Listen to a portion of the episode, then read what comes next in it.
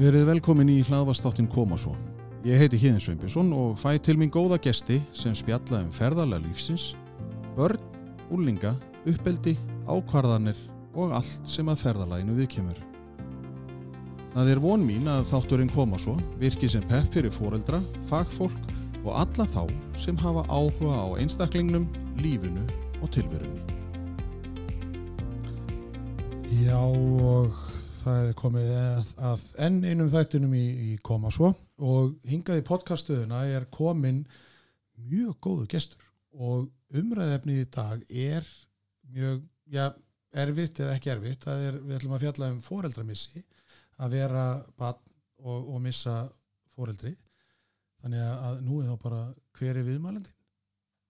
Já, ég heiti Birna Dröfn Jónastóttir Þú heiti Birna Dröfn Jónastóttir mm -hmm. og hvað er það sem að Birna Dröfn er að gera í lífinu?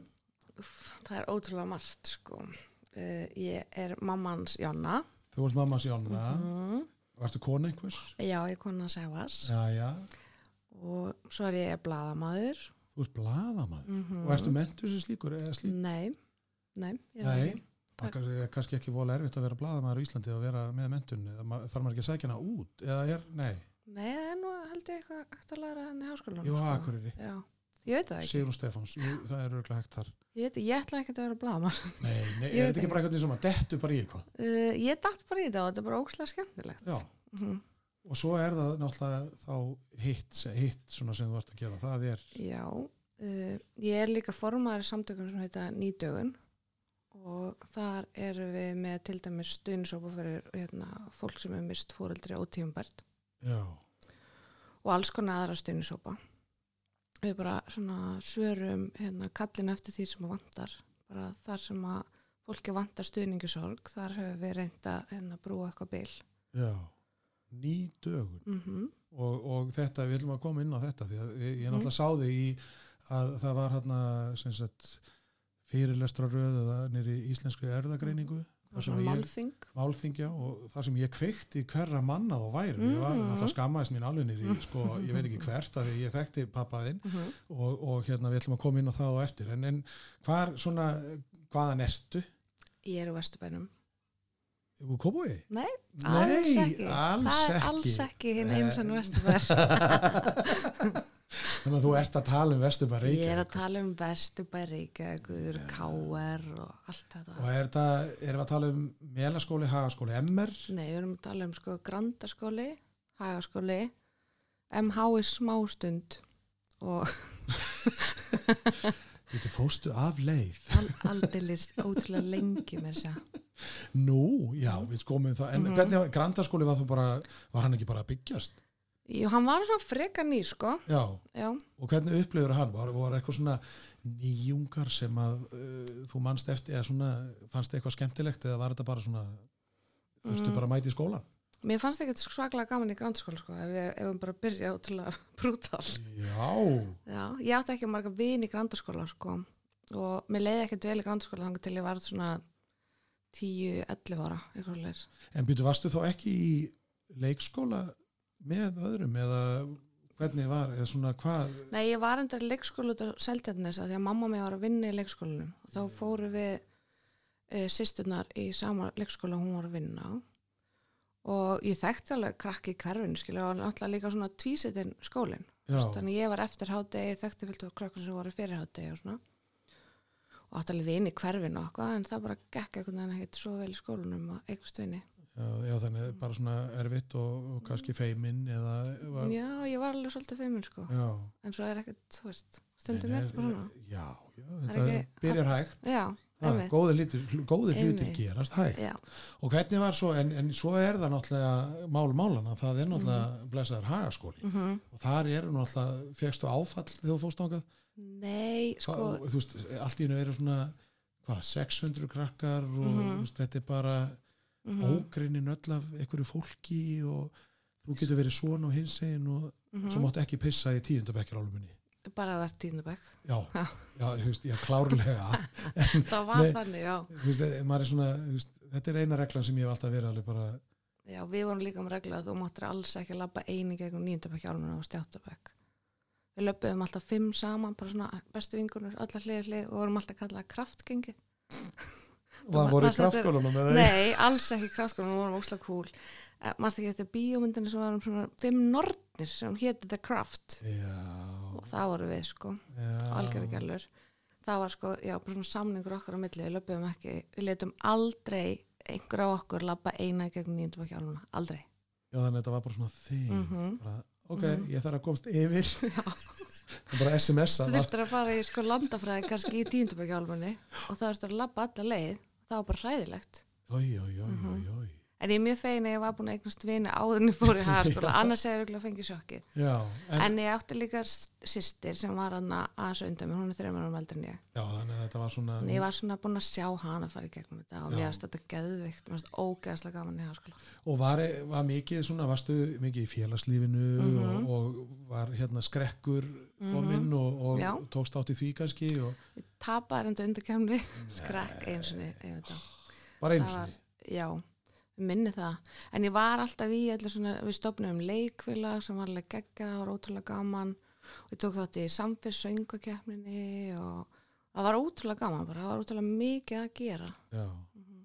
Þetta er, þetta er svona munurinn á, þú veist, frá því að ég var, þú veist, mm Mhm. var alveg svona eins og Mhm. þetta með að vera á söngkefnin sérstaklega, Mhm. að hefði ég, við vorum ofta að tala um þetta, ég og frangatastöru samfés, Mhm. ég er nú búin að fara gegnum marga, en, en það er svona alltaf umræðan, sko, hefði þú gert þetta? Þú Já. og svo að þetta tækifæri að standa varstu ein eða að syngja Ég var eina að syngja sko, en ég var með þrjár ballerinu með mér sko, sem Já. en þú varst samt sko ein að syngja Mm þetta með að standa fyrir Mhm. framann 2500 manns var klikka sko, og var svo kannski var sjómarpi líka Á Pop TV, ég reyndar, var ekki sínd á Pop TV, ég glemdi því sent, ég var alveg brjálið því. hvað, akkur, hvað bónuskapur Ég var veit þetta? það ekki, ég Ha? var bara, mér finnst það umulegt. ó, nú kemur vesturbærin, mm -hmm, bara að loka hans. Slökkum á þessu. Nei, ég veit en ekki. fa- fannst þér að gefa þér eitthvað? Þú veist, að, eins og að taka þátt í því þú veist, ertu bara með svona ok, bucket list, já, ég er búin að standa fyrir fram fólk á sviði. Já, mér finnst það ótrúlega gaman sko, mér finnst það ekki beint erfitt, en þetta var eitthvað sem ég ætlaði ekkert að gera, svo var bara einhvern veginn vinkonum mér að peppa mig í þetta og Og ég er ótrúlega fegin að ég gerði þetta já, og þetta var sjúklega skemmtilegt sko. að það eru náttúrulega ekkert allir sem geta þetta eða, eða gera þetta eða, Ég held að sé meira það, að geti Já. þetta allir, en það er bara eitthvað svona að gera það. já, já, láta vaða Já, og að segja, nákvæmlega eins og þú segir Já. ég gerði þetta líka ég, ég það var bara geggja. mér finnst þetta alveg að ég er nú búin að vera viðriðin samféls og, og Mhm. þessa hátíð lengi að, að, að sjá krakkana þegar þau eru búin að, Mhm. að sko, vera á sviðinu og þau nötra og maður Mhm. alveg, það var eitt skipt sem ég held sko að viðkomandi væri bara, Mhm. ég var tilbúin bara með símun og alltaf að ringja sjúkrabílinn og svona. Þau bara er ekki alltaf læg þetta var geðveikt. Eða. og hún sko var alveg nötraði. Já. en þá var hún bara í svona einhvern veginn Bara svona adrenalín bara sko. uh, flæði sko, þannig að hún var, var svo stolt og ánum og maður var bara, já þetta var líka vel gert þess Mhm. og þetta er náttúrulega svona mikill sigur líka. Já, þetta þetta er, var það er gaman að þessu Já, já, ég lendi öðru sæti, sko, ég gleymi þessu sæti. yeah, hvað ára var þetta? Hvaða ár var þetta?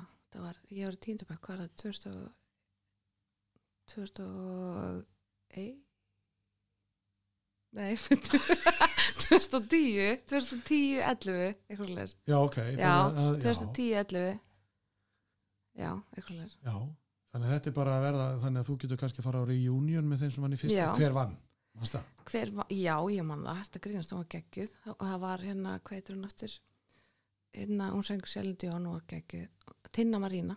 Já, þetta er Já. það eru, margast, það eru margi krakkar búin að verða svona, sem að hafa tekið þátt og Mhm. farið að verða svo Mm músikantar Sko, ein gælan nælon var þriðasæti og ég lifði mjög lengi að því. að þú varst fyrir ofan hana Ég var frá hann hana. Mér varst það geggja, sko. Uh -huh. jú, jú, ég sé það, ég sé Mhm, það. mhm, þannig, já, nákvæmlega bara, aha, aha. mhm. ekki með puttan alveg bara. Nei, mér varst það geggja, sko. en var eitthvað meira svona sem að var gerði árin í hagaskóla skemmtileg Mm, námslega, varstu góð? já, já, góð, sko. Já, mjög góð. Já, Ég, mér er aldrei þótt einhvern veginn erfitt að læra, sko. Ég bara nefndi ekki alveg. nei, En, bara náttúrulega, eh, fyrir ekki, er ekki allir úlinga þannig, Það jú, svona, ég held það, sko. eða svona margir Já, Svona-.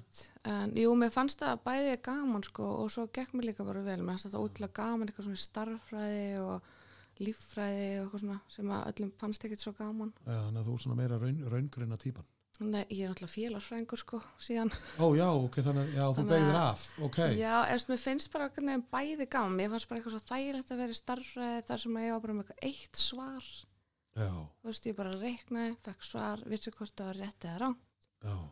og mér það eitthvað þægilegt Það var ekki eitthvað óræðið og þú þurftir eitthvað svona Nei. efast hvort það Nei, væri. einmitt, einmitt Bara svona, Ég gæti líka að fengið tíu já, starfræði. já.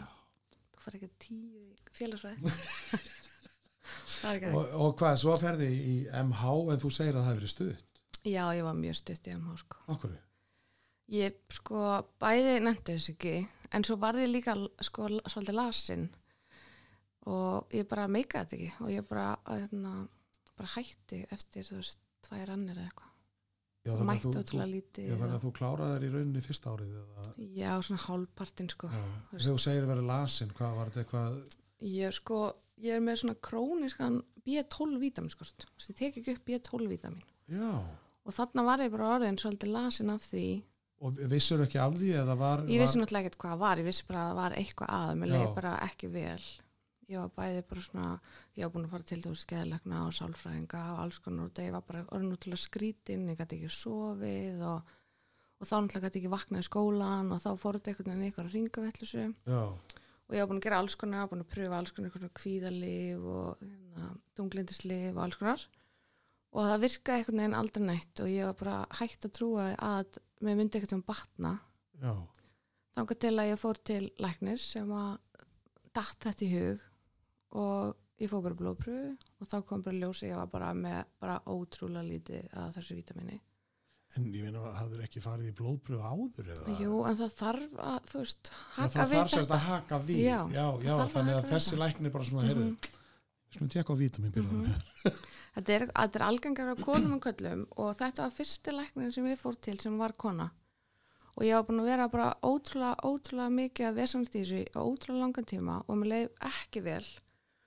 Og svo einhvern veginn þegar hún var bara er eitthvað búin að spyrja er eitthvað búin að tekka á B12 fjár þá ég man eftir að ég var bara, stu, ég veit ekki en endilega gerða það, þú veist, Já, ég var bara ég var til í allt, ef hún hefði sagt bara til að taka reitt fótinn og til lífi betur þá hefði ég bara, já, gjör svo vel, takt hann en svo, þú veist, kom þetta í ljós og ég fekk einu sprautu Já, og ég bara lappa út í heilskastlinu á seldanis og ég var bara alveg rétt, svona var þetta svona á mér að líða, já, þannig að þá fjastur svona tilfinningunum bara aftur fyrir Já. lífinu Já. næstu því. það var ógæslega skrítið Já, og ég er bara búin að sprauta með B12 síðan já, ok. Ég held að þú sétt svo fyrsta til hamingju, sem ég þekki, þannig að ég, ég finnst þú að að þakka fyrir það. já, þetta er sko miklu algengar heldur en fólk heldur Já, ok. miklu algengara Alveg ótrúlega hvað svona, svona basic hlutir Mhm. kannski sem að maður bara, mm svo hefur búið að tekka alveg í drast fyrir öllu öðru, svo bara, heyrðu, prófa minna B12.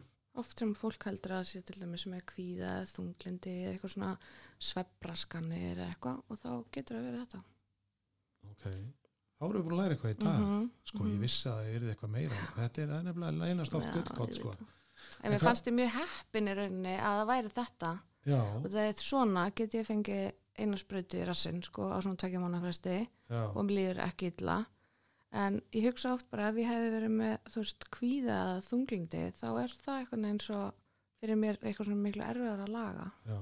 Já, og það er náttúrulega líka hvað hellist yfir þig og þú veist, þetta það er svona margt sem kannski gerist Mhm. í kollinu líka því þá Mhm. ferða kannski að hugsa eitthvað hugsanir sem að bara Mhm. eru enga veginn. og ég var fann að gera það þegar maður verður kvíðin þegar maður er veikur sko Já, og, og B12 hefur mjög mikil áhrif á heilan. Og maður getur orðið svolítið svona rugglaður en að Já. kæslapa þannig að ég var orðin mjög hrættum að ég yrði bara einhvern veginn alltaf svona.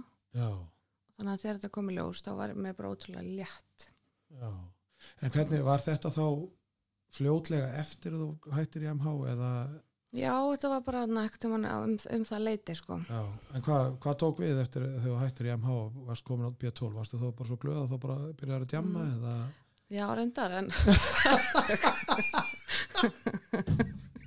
og þá að þetta vita búið Nei, ég, þetta, þetta tók smá tíma að komast Já. í gang, skilur. Já. Ég var smá tíma að jafna mig, þú veist, ég fekk að það einu sprautu og svo það komst ekkert strax að ljósa, ég var með hana króniska vítaminskort, það kom bara að já. ég var með vítaminskort þarna já, og svo leiði smá tími og þá byrjaði þetta að gerast aftur og eitthvað svona þanga til að það komi ljósa, ég bara tek ekki upp B12. já, Þannig að þegar ég er búin að átta með því og, og byrja bara að sprauta mig reglulega þá lífum mér miklu betur. já, En þá er ég líka að byrja að vinna og það er bara ótrúlega erfitt að hætta því til þess að fara aftur skóla. já, það er nefnilega málið Þannig að en þú fóst samt áfram í ég skóla fór á endanum aftur í og skóla. í hvað, hvað klárar stúdinsprófið? Í frumgrandeldinni HR. ok, Mhm. og, og þannig að þú klárar það og, og varstu þá svona búin að finna þig Þá var ég bara búin að eigna spann til dæmis og þá bara einhvern veginn fannst mér einhvern veginn svona, þá var ég orðin eitthvað fyrirmynd fyrir hann.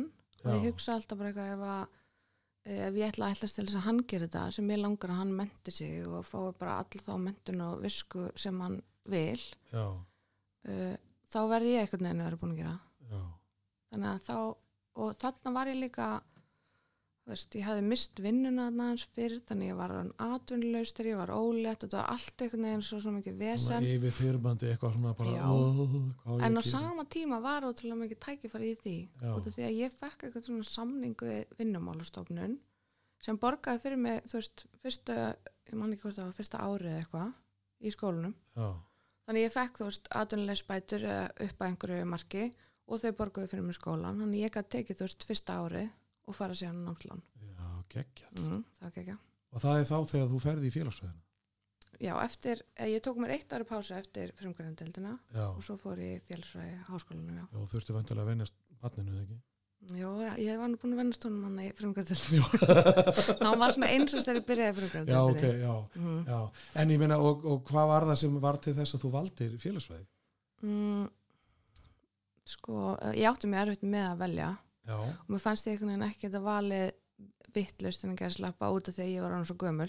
Mér fannst ég ekki hafa, þú veist, eða tvítur að fara í háskóla og kannski pröfar eitthvað, bara eitthvað fara í japansku, já, fíla það ekki. Þá Já, getur alveg að næstur já. að fara í sögu og svo í lögfræðin, þú veist, ennþá 22 skilu, já, en mér fannst ég einhvern veginn ekki hafa tíma í það.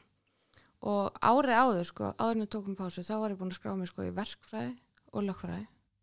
En svo allt einu var ég komin í félagsfræði og mér langaði bara í eitthvað svona nám sem að ég geti bara undirbúið mig fyrir eitthvað annan nám og haft svona fjölbreyttan starfsvettvang. Og félagsfræði bara svona opnar að sjá manni hugan þarna þurfti ég að læra að geta ekki fengið tíu og það var ekki bara eitt svar rétt svar. Nei, nei, og það var eitthvað það sem ég fannst ég þurfa að læra. Við erum ekki rétt búin hjá mér að, að maðurðinn hann er líka hann er félagsráðgjafi ófyrirgeð, mm -hmm. er það ekki sami alls, alls, alls ekki. Líflegar umræðar í það þínu heimili Aha, sem sagt, ok, aha. nei, nú skalt þú. En, en og þú þannig að þú klárar hvað, hvenær klárar þá hérna, félagsfræðina? Félagsfræðina klára ég þá 2016 og 17 ég er sko hræðileg í svona ártölum. En, meina, en, en já, þannig að þú bara þú, ég klára hana bara á, þú veist, bara tveim, nei, þreymur árum. Já, bara en fórstu mastersnám líka eða? já, svo fór ég bara beint í mastersnám Nú, mm ekki, hvað, hvað nám fórstu? ég fór í, en tók master í verkefnstjórnunni viðskiptverðardildinni í háskólanum Já, spennandi mm -hmm. ekki vissi ég þetta nei, nei, nei, nei. ég Ah. útskæðast bara núna í februar Já, sæl Mhm. Og hvað, þú veist, þannig að þú ert svona en finnst þér þú hafi valið vittlust eða? nei, alls ekki Ég er einmitt að, að minnst þú skemmtilega þú segir þetta því ég er einmitt Mhm. að hlusta á sko eh, hljóðbók eða Mhm. semst um þetta með að, að taka stjórn á sín einn lífi mm -hmm. að veist, lífið þarf ekki að enda þótt þú velur eitthvað núna, þegar maður, þú veist, þannig að þú, ert, þú hefur orðið það vitur eftir og að sagt bara vá, ég er 30, skilur ég, sko, bara það ekki taldið áfram, sko. það hefði heldur ekki neinu máli skipta og ég hefði, þú veist, farið fyrst í félagsræði ef ég ekki fílað það og farið eitthvað annað, hefði ekki skipt neina máli. Nei, þetta er bara eitthvað, stundum er bara erfitt að taka ákvarðanir sko. Og ég hafði, þetta var bara eitthvað svona tilfinning sem ég hafði já. sem var ekkit endilega rétt En er, er hérna er hérna líka félagsveimist þetta vera svona, eins og þú segir, þetta er svona opnar á mm margar vítir já, þetta gerir það sko. Eins og sálfræðin, þetta er svona uh, snertir manneskjuna. Félagsræði kendi mig bara líka sko, svona hvernig maður getur hort á samfélagið. Já, og félagsræði snýst ótrúlega mikið um samfélagið og, og kannski einstaklingana í samfélagunum já, en það er bara svona, mér finnst ég eftir að hafa verið þrjú ár í félagsræði finnst mér ég bara svona líta aðeins öðrum augum á næstu í alla hluti. Já, þú veist, ég er meira svona að svona velta fyrir mér af hverju einhver uh, af hverju einhver gerir eitthvað, af hverju einhver bregst svona við, af hverju þú veist samfélagi bregst við ákveðnum aðstæðum og eitthvað svona. Já, já, þú ert að skoða svolítið svona mengið í Mm. viðbröðum fólks eða, samf- já, þetta, er- já, þetta er svona að grúska í af hverju, Mhm. ég man að, að, að einhver tíman var talað um að félagsfræðin væri svona að taka yfir sálfræði, eða sko að, að útskýra hegðun fólks mm félagsfræðin svona var að skoða sko samfélagið og af hverju gerir þau svona, af hverju gerir Mhm. ekki svona eða -hmm. þeir sem kaupa þetta blað, Mm -hmm. hvað er þeir gera Mm hvað týpur eru það og svo. -hmm. þannig að, og svo ferði í verkefnastjórnuna og Mhm. svo endar þessum blaðamaður Mm og það var bara svona, þú veist, uh, ég þarf að vinna ég var bara sækið vinn út um allt veist, allir ný útskræðar háskólanumar Já. það er bara ákslega rætt að fá vinnu. Og svo bara rampa inn að þessu auðlýsingu og segja við sæður eitthvað svona grín eitthvað ekki fyrir að blaðmaður uh, og hann bara, jú, ég held að það er actually alveg góð því. Já, og ég var bara eitthvað sótt um og svo bara fekk ég vinnuna. Og ég hugsaði bara eitthvað allir þessi viðsnúningar sem ég er búin að taka eru bara búin að ganga ágætlega. Þannig ég ger þetta bara einu svona enn. Og það er Já. bara ótrúlega gaman og ekki bara gaman heldur er ég bara að læra ótrúlega mikið nýtt. Og veitu, þú ert á fréttablaði fréttablaðinu mm uh, vísir og fréttablaði, er það ekki eitthvað búið að splitta því upp þetta er mjög þetta það er að splittast upp þetta var sama. þarna. Nei, var, var sama áður en ég byrjaði en núna er það eitthvað svona smá samningur og er, ertu með eitthvað sérstök, sérstök málefni sem þú ert að sjá um eða ertu bara í Nei. öllu? Ég, við erum bara nokkur saman í fréttakablanum Já, þau eru öll miklu betur en ég. Ég að skrifa ykkur svona brútal almennilega fréttir. En ég, þau eru að kenna mér allan daginn alltaf. Já, og ég læri ótrúlega mikið af þeim. Þannig að jú, ég er bara að skrifa alls konar fréttir og svo er búin að fá að taka ótrúlega mörg skemmtileg viðtöl og maður er bara alltaf að tala við eitthvað skemmtilegt fólk og ekkert alltaf um eitthvað skemmtileg málumni en mér finnst ekkert, mér finnst ótrúlega erfitt að skrifa eitthvað litla frétt um þrija orkupakkan já. Þá var sem eitthvað fáralegt að ég var komin í stöðuna þar sem ég ætti að vera svo sem maður sagði þjóðinni frá þrija orkupakkan og því ég vissi ekkert um hann Já, þetta er svona fake it to you make it það er bara, Nei, það er bara ekki hannig en, heldur, en þurftur að þá bara setja þig inn í þetta eða? ég bara ringdi í eitthvað og spurði, ég ringdi bara í stengrum jóð og eitthvað þetta er bara auðveld Já, ég meina það var líka bara eitthvað sem þurfti að kenna mér það.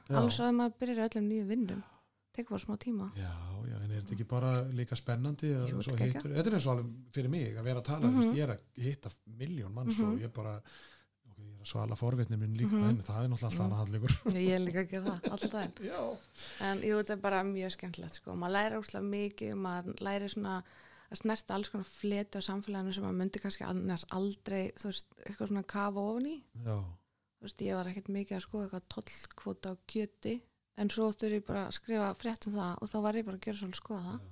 En er þetta ekki þannig að, að fréttamennska svolítið er bara þannig, þú verður að vera svolítið allstaðar Jú, verður örgulega bara, veist, ég ætla ekki að tala eins og grúsla hérna, vanu fréttamaður, en mín upplöfun svo að maður þurfi bara að vera einhvern veginn tilbúin að líta svona ógaggrinum augum á alla hlutina sem er að gerast hverju sinni. Já, já, ég er að meina, þú veist að það er ekkit þú getur ekkit sagt bara, nei, ég veit ekki um þetta og ætla ekki að skrifa um þá það. verður bara að kynna það. Já, þá bara lærir maður og finnur upplýsingar og, og lítur á það gaggrinum augum, þannig að það er bara að vera fréttamaður. Mm. En þá kannski komum við að hérna þessu sem sagt, nýrri dögun Mm að hérna nú er það bara þannig að, að, þín saga og kannski margar annara Mhm. er náttúrulega merkileg fyrir þeirra, þær sakir að þú missir Mhm. pappaðinn hvað þegar þú ert 12 ára Mm -hmm.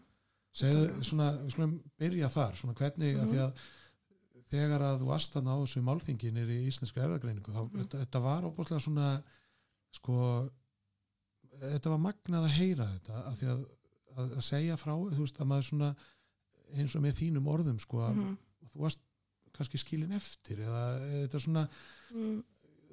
segðu okkur eins svona frá þessu svona Mhm. þegar að þú færð þú veist þess að svona sögun í kringu að þegar kannski að pappiðin þú færð tilkynninguna. Já, pappi minn var á Spáni, hann var bara, hann var tónlistamæður, hann var að vinna á Spáni.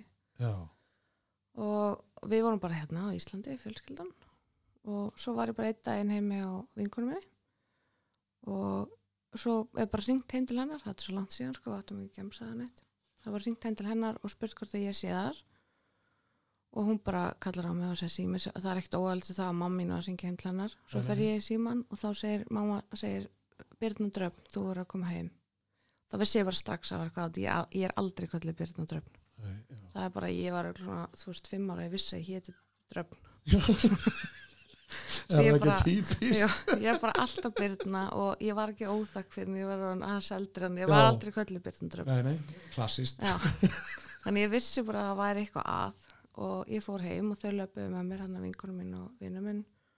Og ég bauði mig eins og með mér inn og því ég vissi bara á eitthvað. Og svo opnaði ég bara dittnar og þá segi ég bara hérna prestinn standin í fórstofunni já, og veist, ég var það lítil að ég, þú veist, þetta einhvern veginn kvarla ekki alveg að mér en ég vissi samt einhvern veginn að var eitthvað hræðilegt búið að gerast. Ég hafði einu sem lendi áður að það hefði komið prestur heim til mín og þá hafði eitthvað annar dáið.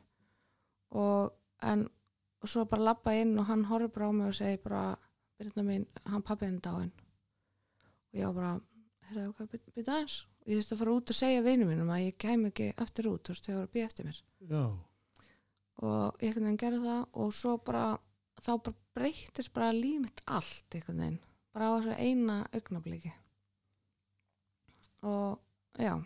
En ég meina og, og, þú veist, ef þú, þú segir, þú veist, það breyttist. Mm þú veist, ég meina, hvað sástu eða, þú veist, var, hvað svona manstu svona einhverja ákveðna hugsun sem fór í gegnum hausunar eða? Já, ég man bara ótrúlega vel þú veist, eh, tilfinningunum sem var heimi hjá mér. Já, og var það ótrúlega mikið af fólki inni hjá mér og var bara strax fór allt bara einhvern veginn að fyllast af blómum og fólki og kortum og mat og kökum og bara einhvern veginn það var bara allt öðri sér heimi á mér.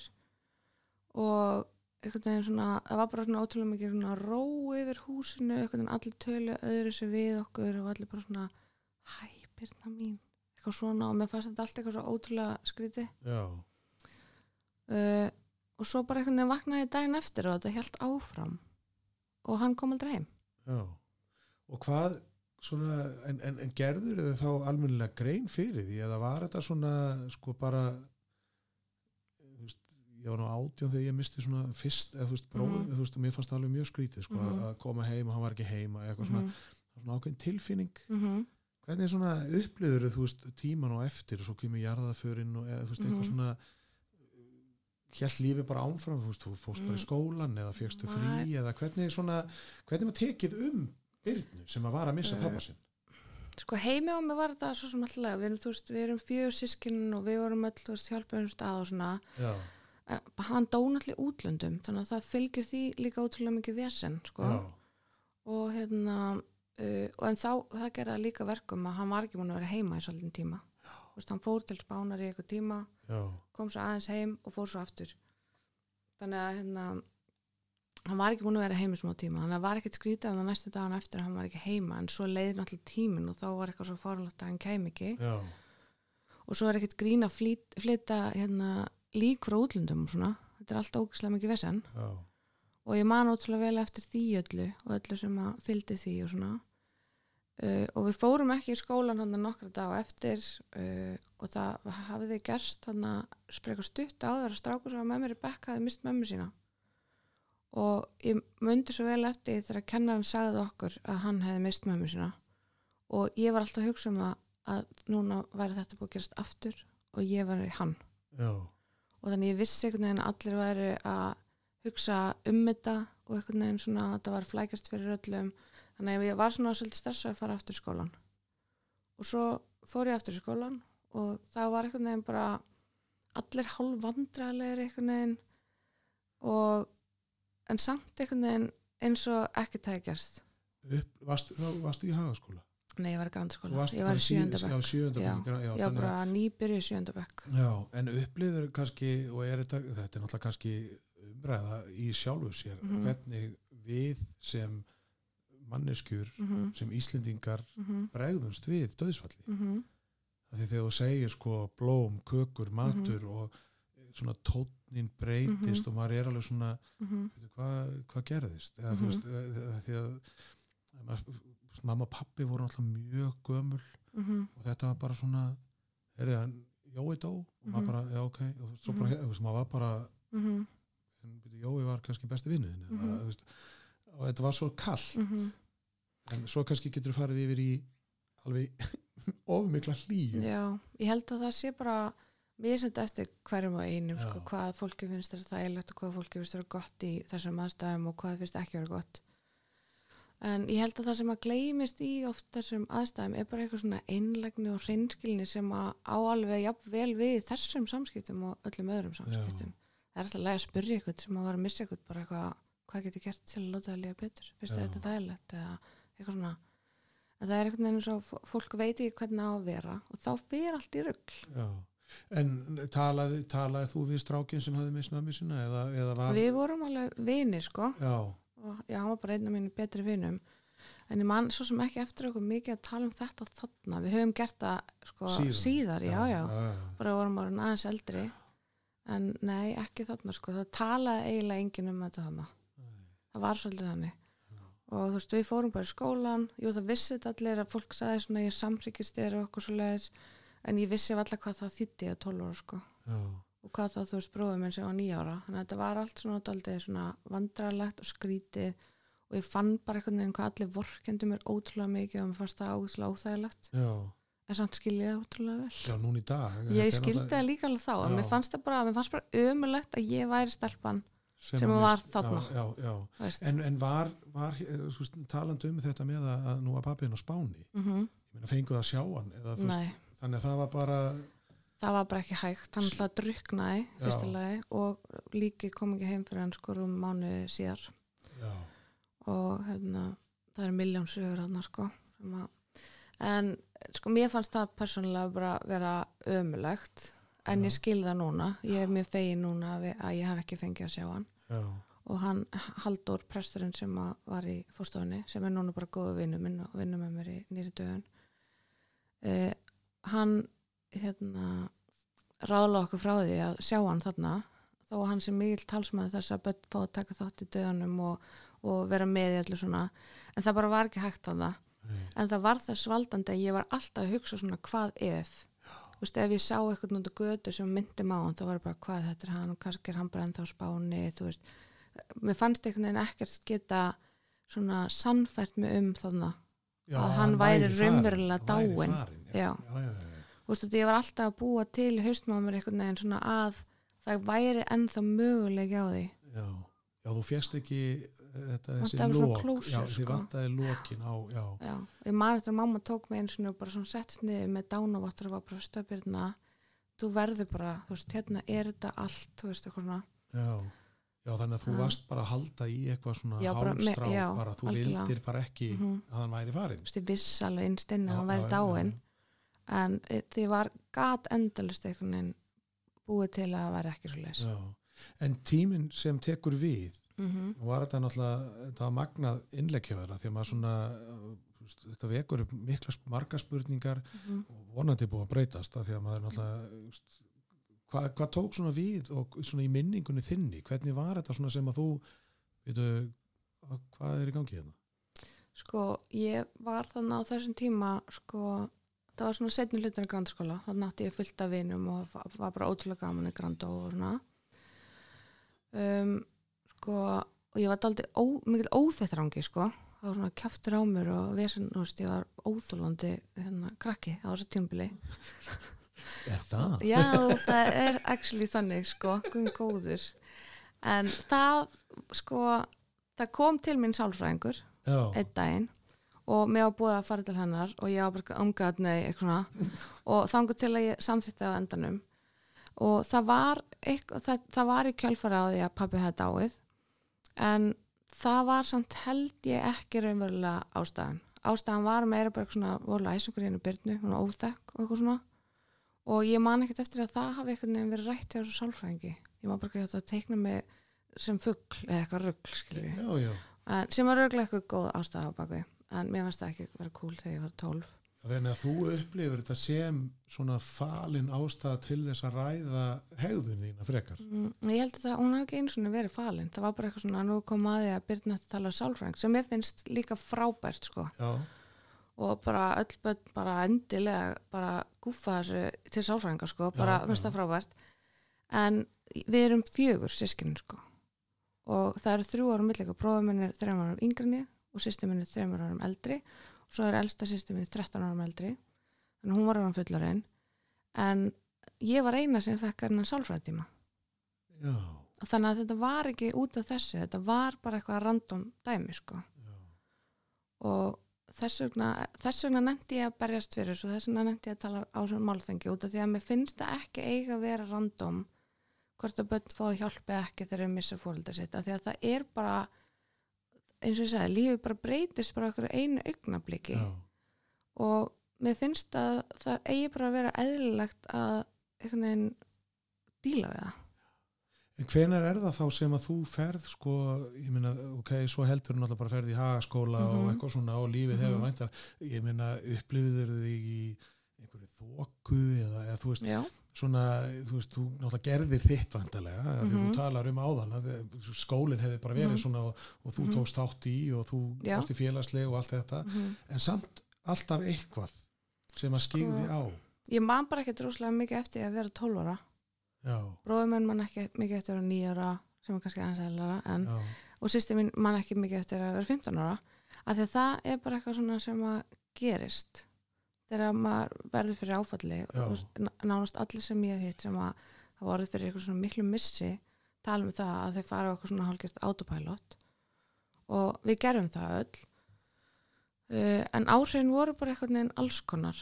Þú ert ekki lengur sko bara samanskinu á vast og þetta fullarnast ótrúlega hratt þú veist, allt í náttu við bara eitt fóreldri og við vorum vöna eiga tvo, tvo og ég menna mamma okkar var sorgmætt og það var bara svo ótrúlega margt búið að breytast.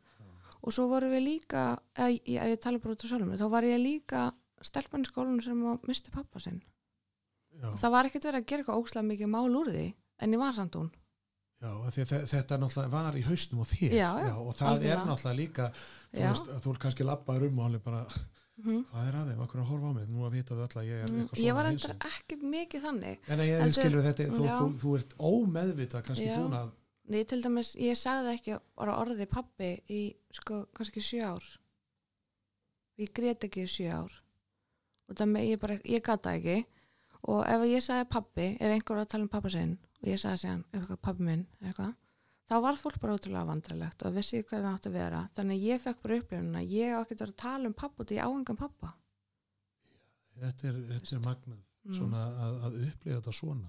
En, en, en þannig að ert að segja að þú bara grest yfir höfuð ekki missin eða sko svona Ég grét í jarðaförinu sko og Já. ég grét hana þú veist aðeins svona fram að jarðaförinu ennan mánu hann sem var á milli en frá jarðaförinu og bara í mörg mörg ár þá bara grét ég ekki neitt og ma, ma, þú veist, er, það mannstu svona, hefur pælt í því af hverju? Mm, Já, mér fannst það bara eitthvað vandræðalegt ég var bara viðkomum aldrei mér fannst bara veginn mér fannst það bara óþægilegt. Já, þannig að þú varst ekki einu sinni ein Ég varst oft var ég bara eitthvað uh, uh, og svo var ég bara, nei, þetta er ekki að gerast. Ángríns, ég reyndi eins og ég gat þegar ég var eitthvað svona ein heima. Það var ekki séns. Standa fyrir fram að já, speilum já, bara nú fer ég að gráta. Já. Nei, það kemur ekki. Það er bara að horfa á mynd já, en svo er ég líka þannig að ef, ef, ef ég var eitthvað með einhverjum stvingunum mínum með eitthvað og þú veist, fekk eitthvað svona kakk í hálsinn þá bara kynkti ég honum. Já, það var alveg partur af þessu. Mér fannst þetta bara eitthvað óþægilegt og vandræðilegt já. En hvenær er það þá sem að, að, að þú svona ég laði bara vegg eða, eða veist, bara gerðist eitthvað eða byrjar að gráta eða Na, svona, hva, hvað er það þá sem að þú hérna það er þetta mjög góð saga þegar ég fór að gráta fyrst skeiði já, aftur, þegar þú leiður þess að fara. Þegar ég, þetta kom bara ég er ekkert við þetta, ég var svo bjáni sko. Þá var ég bara nýbyrjum með sævari þú veist, Já. ég var hvað, 18 ára eða eitthvað. Og við vorum að Lion King.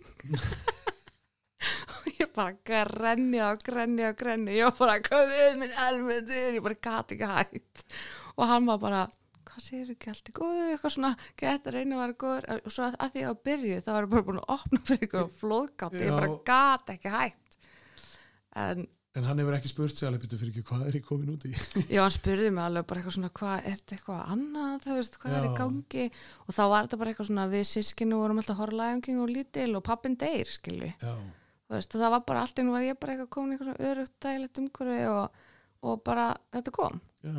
en, en fannst þér það vera, þú veist, eða fóruð þið að ræða þetta eða var eitthvað svona, fannst þér eitthvað gerast samt í framhaldinu? Já, Eða var þetta bara svona, þú veist, ég var bara hann eldri skilur Já. og ég var bara hann þú veist þróskari og hérna jú, ég menna, þú veist, það, það var alveg þannig að þarna gati ég aftur svona aðeins byrja að gráta mm. þetta er moment. já, þetta var alveg moment, ég var bara það var bara eins og ég tekið, þú veist, eitthvað ísklump og brota. Já, og plúst það að þú ert náttúrulega komin í aðra, þú veist, búin að finna kærasta Já, og mann einmitt. kannski og svo bara allt í hennu, að það var samt geggi tilfinning sko. Já, og hvað, og uh, gerist þá eitthvað í framhaldinu svona sem að þú ferð, þú veist, hvernig ný dögun, þú veist, hvenar svona, já, sko, það gerist aðeins setna sko, já, e, að að ég missi síðan mömmu mínu sko, er ég 27 ára. Já, þá hérna veiktist hún bara það er bara ekki eitt heldur, Nei, það, nei, það nei. er bara allt, já, takk fyrir ég kaffi. held endalist það fram Já, Nei, já, ég sem sagt missi hana þegar ég er 27 ára, Já. 2012 bara eftir, hún var bara varð veik og hún var bara dáin tí dögum síðar það var bara ótrúlega hérna skrítið allt saman uh, en eftir það þá, sko þegar mamma deyr þá finnst mér ég vera ótrúlega pró sko, ég að gera þetta í annarskipti ég átti að vita nákvæmlega hvað gerðist og svona, en að sjálfsög var ekki þannig. Bara alls ekki. Nei, þannig að út, svona ári eftir að mamma deyr þá fer ég sjálf í svona stuðningshóp í nýri dögun. Þá kemur aftur sami presturinn og var í fórstofunni heima á mér 97 uh, þegar mamma er veik á spítalunum þá hérna uh, er ég eitthvað að labba hann á ganginum og hitti þennan mann bara eitthvað svona fyrir tilviljun. Og mamma var svolítið trúið, ég er ekki. Og hann, veist, þetta, hann var eitthvað nefn búin að vera í okkar fjölskyld alltaf eitthvað svona að koma á svona skrýtnum tímum og svona. Og já, mamma var þarna farveik og ég sé hann og ég er akkurat á okkur svona punkti þar sem ég er bara eitthvað svona shit, hvernig á ég að gera þetta? Ég veit ekki hvað að segja við hana og þetta er alltaf eitthvað svo skrýti þannig bið hann um að fara inn til hann og tala við hana sem hann gerir. Og ég veit ekkert hvað þeirra þeim fór á milli. Og þá náttúrulega veit hann hvað er í gangi í mínu lífi og hefur samband og þetta er bara hérna eindislega maður og, og svo nokkur síðar þá hérna, segir hann mér frá þessum hópum og býður mér að koma. Og ég gerði það og það var bara eitthvað neginn ótrúlega gott fyrir mig að bara það er svo gott að fá að uh, setjast einu sinni niður og segja þessa sögu einu sinni enn fyrir fram fólk sem er aldrei hýrt að náður og út frá því að ég fer í þennan stöðnusóp þá uh, síðan verður það til þess að ég fer sjálf að vinna fyrir nýja dögun og hérna og fer að stjórna sömu stöðnusópunum ég fór í, bara nokkur síðar uh, með konu sem heitir Steinun og við erum búin að gera það saman núna síðastlega ár en ég meina sískinni þín, mm Mhm. þetta, þetta er náttúrulega, þetta er ótrúlegt, Mhm. þú ert 12 ára og Mhm. svo bara 15 ára þá ert þú með reynslu, eða þú veist, -hmm. eins og þú segir og maður er bara, já, nei, mér Mhm. finnst þetta nú bara ekki alveg vera, veist, -hmm. fyrsta sem kemur, þetta er bara ósangjant Mhm. og, og veist, maður alltaf fer bara gegnum allan Mhm. pakkan -hmm. en ég meina, og bróðiðinn sem er þá sko 25 ára aftur að, Mhm. að neða 24 ára 24 ára, að, að hann er að upplifa svona aftur eitthvað Mhm. sem að er sko, af því að þið eru náttúrulega mæntalega á mismundi stöðum, -hmm. því sískinin -hmm.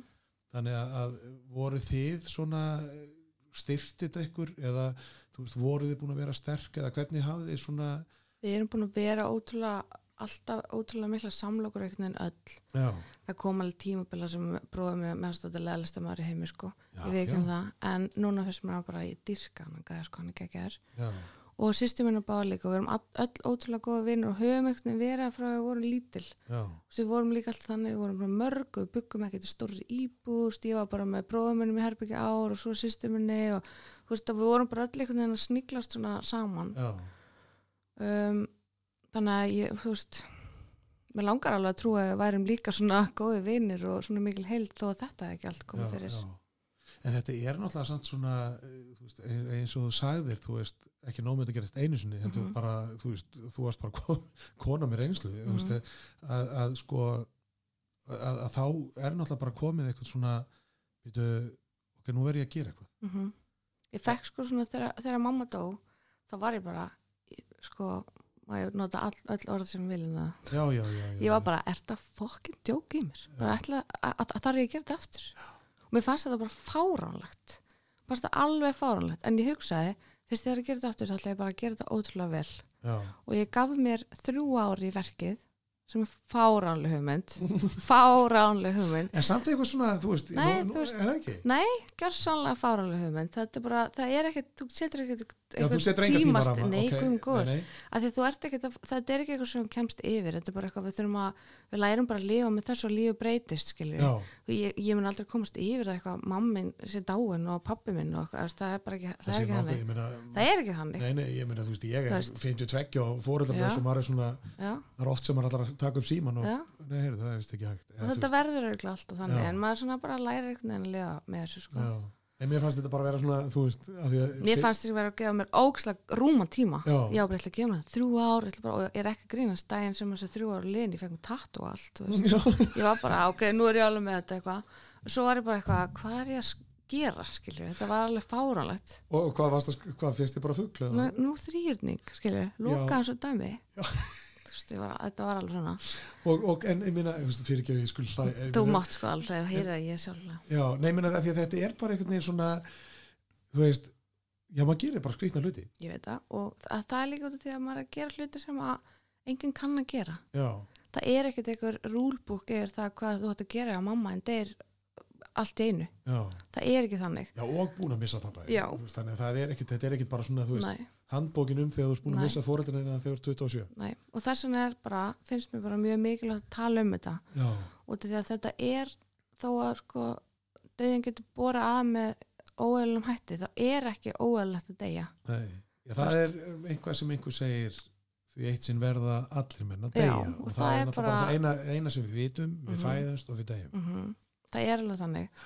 Og þá er þetta bara eitthvað svona veist, ég er bara mjög fegin að ég áttaði máið þarna að þetta Já. sé eitthvað sem að, maður þarf að díla við Já, og ég er mjög fegin að ég gerði það og ég held að það skipti ótrúlega miklu máli bara svona hvernig lífið þróast hvort að maður díla við hlutuna sem að hérna, maður lendir í ekki já, já, þannig að, náttúrulega ráðið er væntalega líka ekki að fara á nefunum. nei, alls ekki þú veist að, að þetta er bara allir lendi í þessu Mhm. við erum eins misjöfn og, og eins og erum Mhm. mörg og allt það, allar Mhm. þessar klísjur mm en, en ég minna hvernig sko ný dögun -hmm. það verður svolítið gaman að heyra kannski um sko, nú ertu búin að tala um Halldór Mm og reyndar hugsa ég þá líka, ég þarf að tala um hann líka hann veist, sko, já þannig að, að maður þarf að, að hérna, fá Mhm. sko líka sáluhjálpina með að svona Mhm. ræða um það mm Mhm. þetta er náttúrulega líka sko einhvern veginn ja, eins og að segja, þú veist, áðan varst að tala þetta um með B12, þú veist, og það Mhm. getur mist löppina, þú veist, og maður Mhm. svona Mhm. það vantar, já, vantar eitthvað. Já. en hvernig, sko, ný dögun? Ég meina, þetta er, þetta hljóman eins og pólitísk hreyfing Mhm. ég veit það. og það að- er ótrúlega margir sem haldi þessi formar í einhverjum hræðilegum stjórnmálflokki já, þannig að það er ekki það er ekki en, en hvernig Um, er, sko, þú veist er, er krökkum vísa til ykkar eða er, finnst þér nóg mikil sko, vittneskja um ykkur? Uh, sko, það hérna svona samtök eru oftast þannig að fólk veit ekki að hann fyrir að þarf að hann halda Nei, þannig já. að s- á sama tíma og auðvitað vilja allir viti að nýtögun sér til það er samt ótrúlega fein að það sé ekki ennþá fleiri sem þurfa að koma til okkar Já. því Já, að þetta er svolítið svona kats, Já, þetta er já, svolítið já, þannig. já, en nýtögun er sko alveg 30 ára, eða rúmlega 30 ára félag já, eh, sem var bara stopnað af hérna, uh, konum sem að höfðu sjálfa lendi í því að missa uh, og fannst þetta vanta. Og svo hefur bara starfið þróast hérna, með árunum. Og þessi stuðningshópar eru svona okkar hérna, það sem við leggjum mest áherslu á. Við erum með alls konar erindi og svo leiðis en stuðningshópastarfi er það sem að, hérna, við leggjum mest áherslu á og finnst virka vel. Og það byggir bara á svona jafningastuðningi að ég er ekkert sérfræðingur í einhverju sorgarúrvinnslu og steinin er það ekki heldur sem að er með mér í þessum hópum í hérna, fóreldarminnshópunum uh, heldur eru við bara með einhverja reynslu sem að við erum búin að vinna úr á einhvern hátt uh, og við stjórnum bara umræðanum og fólki sem kemur til okkar það er að segja sína sögu eins og ég fekk að gera einu sinni enn fyrir framann eiru sem hafa ekki hirtan áður af því að fólk getur orðið svolítið þreytt á því að hlusta á sögunum hans. Já, og margir upplega það þegar maður er kannski að tala við vini sína eða fjölskyldu og fólk sé bara svona, óh, byrjar hún að þetta er ekkert skemmtilega saga Nei. uh, og á sama tíma og þau fá að gera það uh, þá erum við að spekla okkur í hvort öru og fólk er kannski með einhverja hugsanir sem að það heldur að séu óeðlar eða eitthvað slir og svo kemur það þarna, segir þær og mannskjæðan hliðinu er bara eitthvað, oh my god, ég veit hvað það er að tala um svona það er þessi samsvörun Já. að finna út já. Og það virðist bara hjálpa ótrúlega mikið. Já, og sko þú veist þessir hópar sem við erum með er, við erum með hérna barnsmissishópa við erum með makamissi við erum hérna uh, við erum nýbúna eða svona nýjasti hópurinn er fíknudöði hópar. Já, og því það er bara því miður að gerast ótrúlega hérna, mikið núna. Já, það er bara aukning Já, það er bara þannig. svo erum við með sjálfsvíkshópa og já, bara, við bara reynum að svara eftirspyrninni sem er en þegar að að spyrja hvort að við varum nú sínileg og svona þá er sko uh, þegar nýtugum var 30 ára sem er, ég, svo- eins og sagði, ég er svo léli svona ártölum, ég veit ég aldrei hvað gerist hvenar mér minnir að það verið 2016 en takk mig ekki alveg trúanlega uh, þá heldum við svona uh, workshop, er svona vinnustofu þar sem Já. að hérna, nýtugun hóaði saman í fullta fólki sem bara vera lauruglumenn, það voru djáknar og prestar og það var fólk sem er að vinna í alls konar hérna, eh, bara svona úrræðum tengdum sorg og bara allir sem okkur datt í hug. Uh, og við, það, var bara haldið hérna erindi svo okkur skipti upp í litla hópa þar sem að hérna, við svörum spurningunni sem var bara hvað getum við gert betur fyrir sirkjendur í Íslandi? Og svarið úr öllum hópunum var bara eitthvað neginn svona að það verður að vera skýrar hvert fólk getur leitað. Og það þarf að vera eitthvað svona auð, auðvelda leiðir að öllu. Og það þarf að vera upplýsingaflæði og fólk þarf að eitthvað neginn vita hv- hvað það á að gera.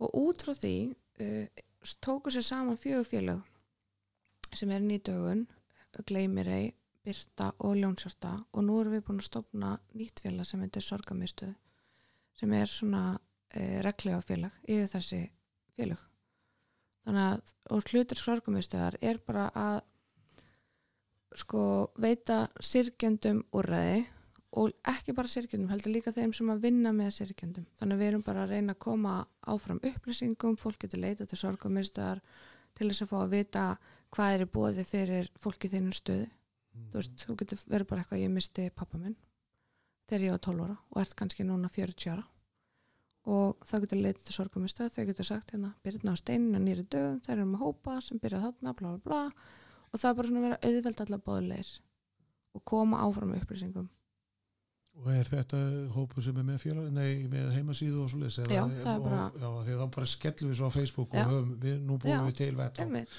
en, það er en, bara sorgamistöð en, en að því að þú missir náttúrulega sko fróðulegt að, þú veist, að að þetta var náttúrulega málþingi gekk út og það Mhm. var verið að kynna þessi reglífala samtök þá. Málgeng líka um það að það var verið að breyta lögum sem tengast þessu Já, byrju hvað, nefnir aðeins að fara eða mannst það? Mm.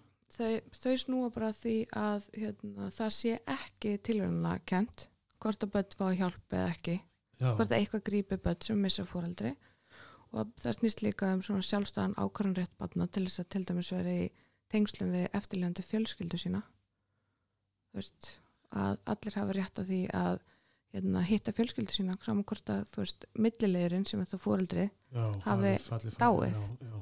já ef að í tilfellum af að það var Já, ég meina það er, Einhver- fjölskyldur eru bara alls konar og af fjölskyldur sem búa ekki sömu löndunum og fólk sem býr ekki saman og það er bara alls konar.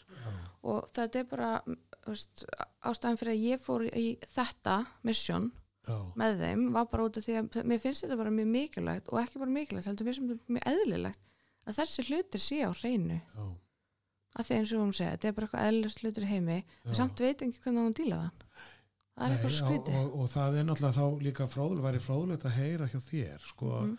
það sem ég finnst sko, svo vondt að nota orðið spennandi þetta er náttúrulega, þú, Nei. veist, þú ert 12 ára mm -hmm, og svo ertu 27 ára. Mm -hmm, sko, þegar að, að svo ég út í dag, að Mhm. bera saman þú veist, auðvitað er náttúrulega ertu búin að mm á 15 árum búin að þú vera með mömmuðinni og -hmm, þú ert búin að eignast þarna strákinn og, Mhm. og svoleið, skilur þannig Mhm. það er svona margt búið að gerast -hmm, en þegar þú sko í ljósi þess að þú missir pappaðin 12 ára -hmm. sko hugsaðu, er svona, hvernig berði þetta saman? Hvað hugsaðu, þú veist, svona, hvað hefði þú þurft? Þú veist, ertu í þessum hópum sem þú ert með Mhm. í nú í döfun? Mhm. Ertu búin að hitta Byrnu 12 ára? Eða þú veist, svona, "Ú, ég þarf ekki að tala því Já. þetta kemur. Ég hef hitt hana sko en hún er undar, var ekki hópi á mér en það er líka máli út af því að við erum ekki mikið að vinna með börnum við erum að vinna með ungu fólki Já, það er bara að viðkamt að vinna með börnum sem eru ekki orðin þú veist sjálfræða einstaklingar og svona það já, þarf já, þannig þá fagfólki það. já, Mhm. Já, mm en við höfum alveg tekið þátt í að leiðbyrna fjölskyldum og hjálpa til okkur svona Já. en það er ekki beint markópurinn fyrir þessa hópa en það er til alls konar núræði finna á sorgamöstu.is já, já, já, ég meina það, og það er náttúrulega Já, það er til fullt úrræðum. Auðvitað eigum Já, við já. náttúrulega að vera meðvitið já, um já, þetta. að sjálfsögðu En, en, en, en, þetta er bara aðalega þetta með sko því að sorg er eitthvað sem er einstaklings, sko líka einstaklingsbundin algjörlega. Sko, og þú 12 ára mm þú hefði kannski verið tilbúin 15 ára að tala við sálfræðing. Já, alveg pottjætt og ég held að til dæmis mamma mín þegi sko hjálpina. Já, til dæmis, hún er sjálfa, hún er að missa manni sinn. Já, hún situr upp með sko þrjú, sko pappi minn var ekki pappi elstu sýstuminnar en samt fjögur börn á heimilinu, hún var án fullarinn elsta. En okkur þrjú, þarna föðulegs börn, þú veist og þetta er bara ógeðslega brútal dæmi. Já, og það er útrúlega skrítið að enginn hafa tjekka á því hvort að hana hafi vanta hjálp til dæmis. Já. og saman hvort það var fyrir hana sjálfa eða okkur. Og að það hafi ekki bara verið eitthvað, eitthvað sem að greip inn í. Mér finnst það að vera skrítið já, og þú veist, það var alltaf lægi heimi hjá okkur, skilja, það var sett alls konar sem að, þú veist, rugglaðist við þetta.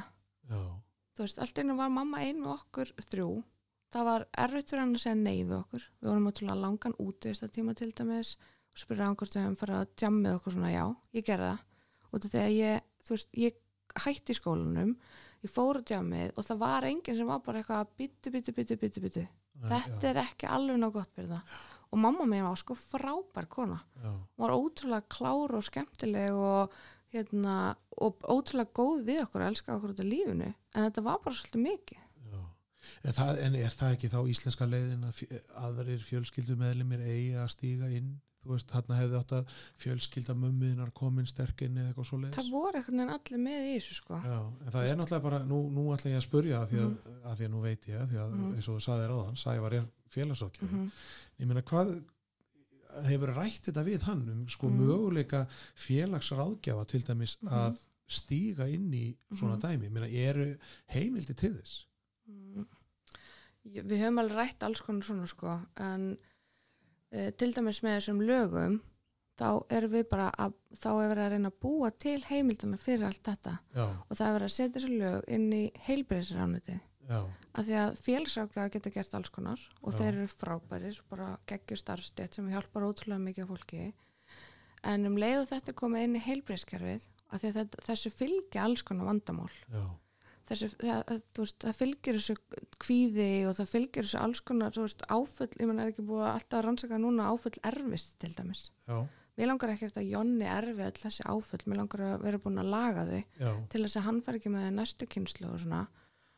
Og hlutir sem eru inn í heilbreyðskerfinu virka svo svona klift og skorið oft. Mhm, Þú veist, þannig að ef þetta er bara búið að setja upp eitthvað kerfi þá er alveg hægt að díla við þetta alveg svo allt annað. Já, það er ekki eins og við búum í sko, miljardar samfélagi hérna.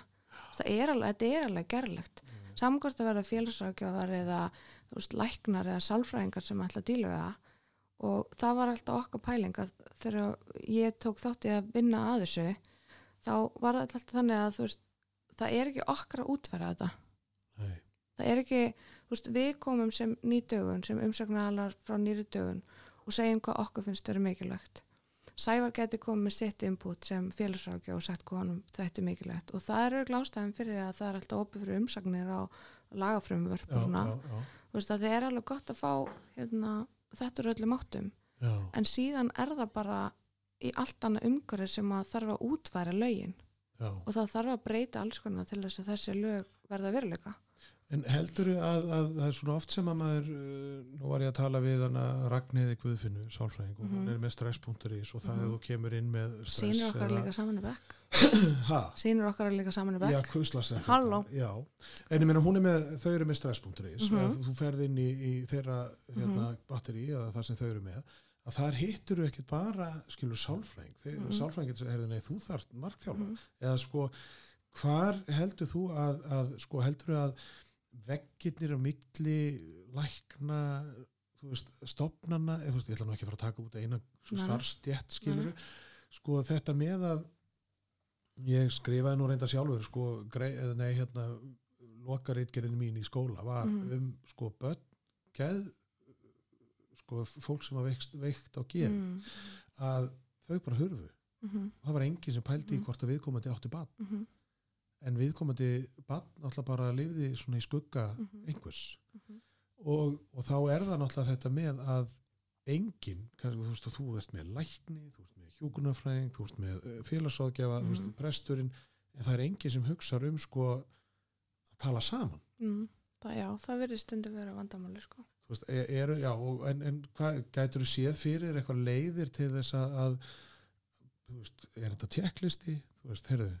Já, hann var að missa pappa sinn, já, Mhm. við þurfum að leiða hesta okkar saman, hvað ætlum við að gera, hvernig ætlum við að auðvitað þarf að vera eitthvað svona plan sko. já, og það er alveg hérna, útvært í þessu frumvarpi til dæmis upp að einhverju vissu marki sko. já, en jú, auðvitað þarf að vera plan og það þarf bara um leið og svona hlutir orðinir eðlilegir að það sé eðlilegt að einhver þarf að grípa bat sem á fóreldri sem er veikt og geði. Já, það ætti bara að vera eðlilegst hlutir í heimi og þetta var líka alltaf að koma upp þegar við vorum að skoða hérna, frumvarpið að þá kom alltaf bara eitthvað en hvað með börn fanga? Og hvað með börn þeirra sem að skilja? Og hvað með börn þeirra sem að eru transfólk og hvað með þessi börn og þessi börn? Og þetta var bara endalust og maður þarf bara að byrja einhvers þar við vorum að einbytta okkur þarna að börnum sem að missa fóreldri þar er ekki fóreldri lengur. Já, já, og það þýr ekkert að maður sé eitthvað að segja að það sé erfiðara heldur en að vera bara fangist, ég veit það ekki skilur en ef þú byrjar eitthvað starf þá getur þú sett upp svona regluverk já, þar sem þú getur þú veist hugsað, ok, þetta er hans ekki hann býr í Vesturbænum, hann misti pappa sinn hann er 12 ára, þá fyrir þetta plan í gang. Já, og svo kemur Anna sem í bregaldinu hún er líka 12 ára og missi líka pappa sinn, þá fyrir bara sama plan í gang. Og það á ekki vera random hvort það gerist eða ekki. Og, en ég, ég, ég er blaðama sko, ég get ekki útfæst þetta. Nei, nei, nei, já, Þannig að það er alveg- það er, en ég get ekki séð fyrir mér að sé eitthvað meira mála að útfæra þetta heldur en einhver önnu protokól nei, þú veist, ef ég fer til læknis og ég er illt í halsunum, þá gera hann eitthvað. Ef ég fer til læknis og ég er datt á hjóli og mér er illt í öklanum þá fer eitthvað plan í gang já. Mér finnst það bara að að vera jafn basic við þetta. Mm. En er eitthvað að segja, þú veist, nú erum við búin að tala um þetta og þetta er náttúrulega bara þörf umræða af Mhm. því að maður er náttúrulega alltaf jafn bit þegar maður sko missir einstakling mm -hmm. að það er einhvern veginn eins og sko ég er ennþá alveg bit á hvernig við erum ennþá í jarðaför allir í svörtu og Mm það er eins og við séum að sko svona við erum eitthvað með sérstök aðtöfn af því að, að þetta á að vera að maður er að fagna lífi viðkomandi. Skilur, þe- þetta er svona ég held að við séum eitthvað mjög svona föst einhvers staðar. Já, að, en, en þú veist, þetta er bara við erum einhvern veginn, dauðin er einhvern veginn svona algjört tabu mm þannig er það. Og það fylgjur um útrúlega mikið hefðum náttúrulega og jarðafæri Já. eru náttúrulega mjög svona hefðbundnar. Já, en það er samt svona, fyrst er ekki aðeins að fólk sé eitthvað svona að fara að breyta sig sem fara að spila eitthvað svona öðru sér lög aðeins meira rest og þú veist, eh, fólk er til dæmis fara að hafa meira svona myndum í sálmarskráni, já, svona myndum já, af lífinu hjá fólkinu, ég tók eitthvað eftir því. Þannig að um, ég veit ekki, þetta ætti náttúrulega bara að vera nákvæmlega eins og fólk vill hafa þetta sko. en ertu sem sagt, finnst þér þú vera heldur þú klárir einhvern tíman þetta, þessa vinnu? Mm, ég Ja. sé þetta ekki þannig fyrir mér sko. Ég sé bara fyrir mér að veist uh, að þetta er bara eitthvað svona sem að þetta er bara hluta lífumni já, bara þú veist alveg svo að ég er með rautt hár skilur, þetta er bara eitthvað þú veist bara eitthvað Þannig að- þetta er bara, en það þýr ekkert að ef við höfum stundu sagt við steinun hérna, sem er með, með hópana að þú veist eitthvað neginn svona, þetta er eitthvað svona hlutur sem að þú sættir þig aldrei við. Nei, ég mun aldrei sætta mig við að, þetta, að ég hafa mist pappa mig á 12 ára, mér finnst það ekki sangjart mér finnst það bara alls ekki sangjart en ég er samt búin að játa mig einhvern veginn svona sigra að gagvart því veist, ég, ég er búin að átta mig á því að ég get ekkert gert því. Og einu sem ég get gert er einhvern veginn að taka með mér á sem svona sterkastan hátt fyrir mig. Já, og þannig að það einhvern veginn sé svona eins lítil byrði og ég get. Og það held ég að maður gerir til dæmis með að, að tala um hlutina og halda minningun á lofti og, og einhvern veginn gera þetta á sem eðlilegastan hátt. Alveg sem maður myndi gera, maður myndi lendi einhverju öðru áfalli en ég menn ekki, veist, þetta er ekki hluti sem maður kemst yfir. Nei, nei, nei, nei og það er náttúrulega, veist, já, þetta er nú svona, þetta er svona undarlegt einhvern veginn að vera mm -hmm. til er einhverjum sem er ekki. Mm og það er svona, Mhm. þú ert að, að, að svo ertu komið með lítinn afastrák sem að Mhm. mun ekki kynnast honum, þú en líka svo honum líði til dæmis eins og hann þekkjan, eða þú veist. Ég menn eins og þegar hérna, uh, mamma dó, þá var hann bara þú veist, hann var þryggjara, ekki einu sinni hann var rúmlega tveggjara já, og en hann talar ennþá um hana. Er, hann manur ekki eftir henni það meikar ekki sens. En þú veist, við tölum um hana heima við höldum upp á ammalið þeirra. Þú veist, ég er búin að borða pulsu og kók 29. janúar sinni mann eftir mér.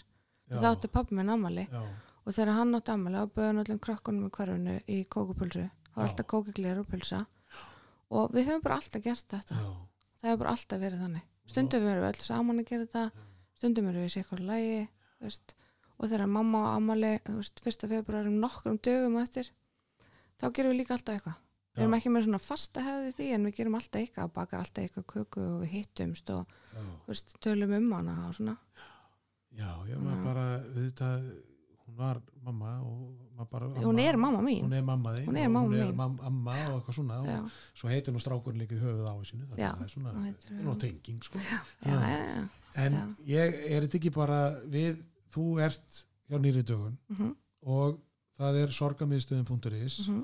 Og sorg.is sorg.is, já Mhm. og, og ég held að við set, ég ætla að fá að setja þetta bara á, náttúrulega koma svo, ég sem ekki þó ég veit ekki hvað er margir skoða Endilega, það nei, nei, en, en þú veist, þetta er bara, Já. mér finnst þetta er magnað og það, þetta er náttúrulega mögnu saga Mhm. og ég vona bara að ef það er einhver hérna úti sem að, Mhm. að þekkir eða veit af einhverjum sem að Mhm. kannski ósjálfrátt líður eða sem sagt, einhver sem veit, einhver misti að þá Mhm. er þetta leið að, að Mhm. hitta einhvern eins og þú Já. segir, þú tapar ekkert á því að ræða við aðra nei, flesti gera það ekki heldur sko þannig að ég bara takk kærlega fyrir að, Mhm. að koma því að þetta er mér, þú veist, þú varst mögnuð þannig á sem alþingi og, Mm, varst, og ég er aftur alveg bara svona Mm. oh, já, að þi- þetta er svona maður veit ekki að því maður hefur aldrei lent í eða skilur Mhm. það, Mhm. er, það er bara gott að, að fá svona smá Mhm. insýn og, og Mhm. þetta er bara hlutur sem að er mikilvægur og, og það eru við, það eru örugglega fleiri að núti sem að þurfa Mhm. að fá smá aðstóð getur verið, þannig að kæra þakki fyrir að kíkja til það var ekki